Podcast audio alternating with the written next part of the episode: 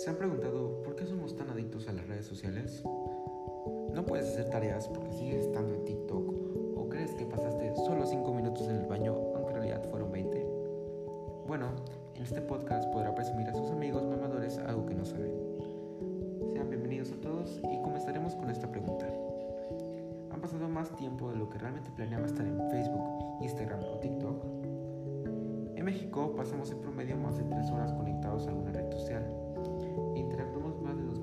2.617 veces al día con nuestro teléfono.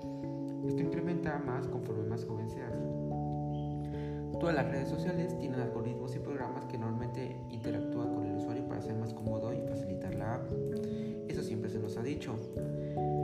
Pero constantemente estos algoritmos analizan nuestro tiempo que interaccionamos con las publicaciones, lo que comentamos, nuestros intereses, ideales, etc lo que principalmente nos encierra en una burbuja ideológica donde constantemente vemos contenido que nos gusta o que apoya nuestros ideales, lo que genera una constante percepción de seguridad. Ejemplo, si te gustan ver cosas de perritos, bueno, entonces tu, tu inicio de Facebook o lo que sea te va a mostrar cosas de perritos. ¿Pero por qué? Desde tiempos de prehistoria a todos les daba miedo estar solos o sentirse solos porque eso significaba nuestra muerte inmediata. Constantemente estábamos buscando la aprobación de nuestro grupo social y todo lo que conforma nuestra identidad, donde buscábamos reforzarlo. Las redes sociales aprovechan estos instintos, donde facilitan y refuerzan esta constante aprobación a partir de intercambios de reacciones e interacciones, ya sean likes, me gustas, eh, me perras, todo eso. Es decir, lo que realmente damos y recibimos es atención y aprobación.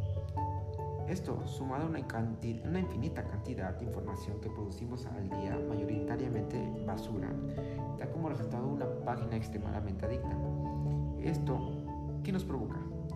A la larga puede producir estrés, un pensamiento acelerado, síntomas depresivos y de soledad, insomnio, baja autoestima, entre muchas cosas más.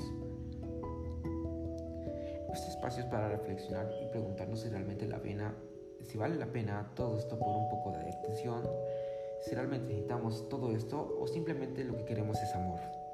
A veces nos alejamos de nuestra realidad para percibir la realidad de otros, que detrás de la pantalla parece que fuera perfecta, pero que muchas veces nos presenta problemas de una sociedad superficial. ¿Realmente queremos evitar confrontar nuestros medios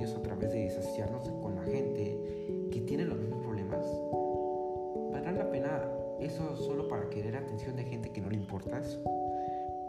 Bueno, eso lo vas a responder tú.